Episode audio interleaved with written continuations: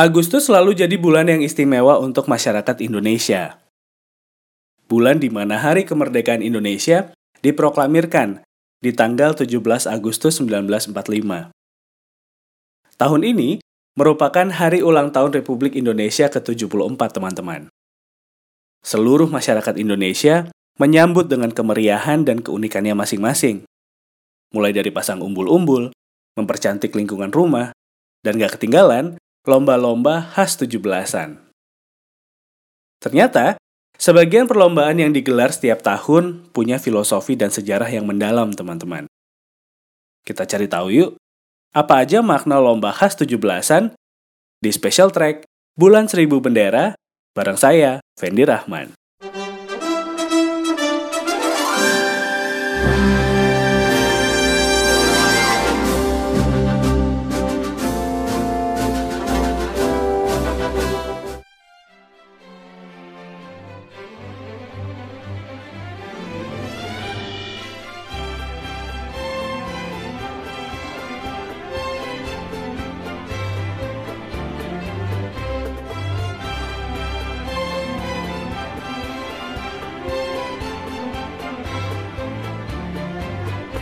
Balap karung Lomba yang satu ini sangat populer karena hampir setiap tahun selalu dimainkan.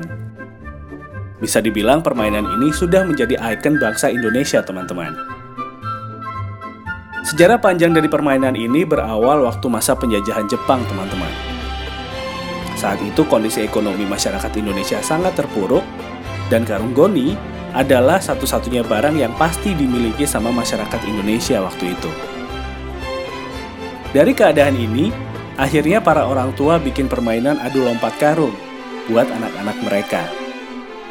Yang kemudian jadi sangat populer dan sekarang selalu dimainkan setiap tahun waktu perayaan 17 Agustus di seluruh Indonesia.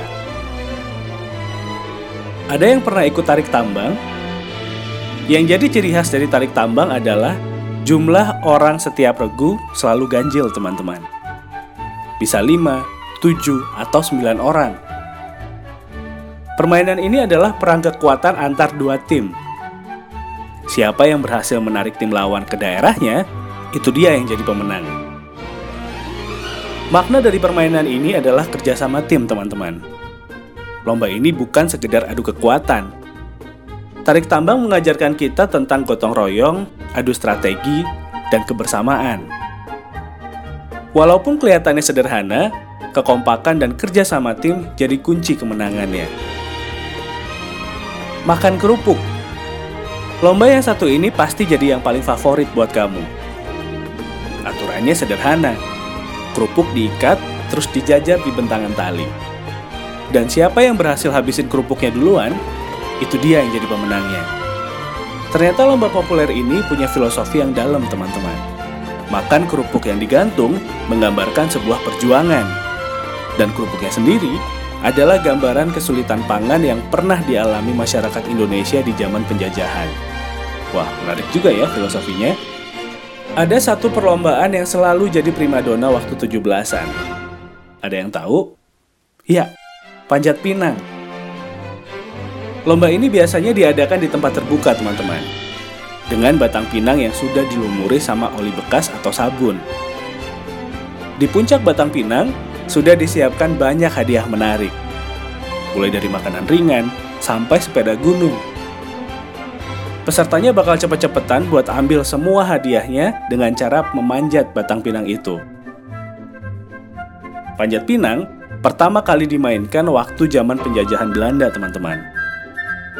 Lomba ini diadakan sama orang-orang Belanda yang lagi punya hajat atau acara penting. Dan biasanya yang ikut perlombaan ini adalah masyarakat Indonesia. Sekarang lomba 17-an di banyak daerah mulai langka, teman-teman. Lahan yang semakin sempit sering kali jadi kendala buat ngadain lomba khas Indonesia ini. Padahal, lomba tahunan ini sudah jadi tradisi, bahkan identitas negara kita. Kalau kamu, gimana nih? Masih semangat nggak buat ikut lomba Agustusan? Kalau kamu punya ide yang kece, saran atau kritik, bisa langsung DM saya via Instagram dan Twitter di @fendirahman atau kirim emailnya di fendirahman@gmail.com. Terima kasih sudah mendengarkan makna kata podcast. Saya pamit. Ketemu lagi minggu depan ya, teman-teman.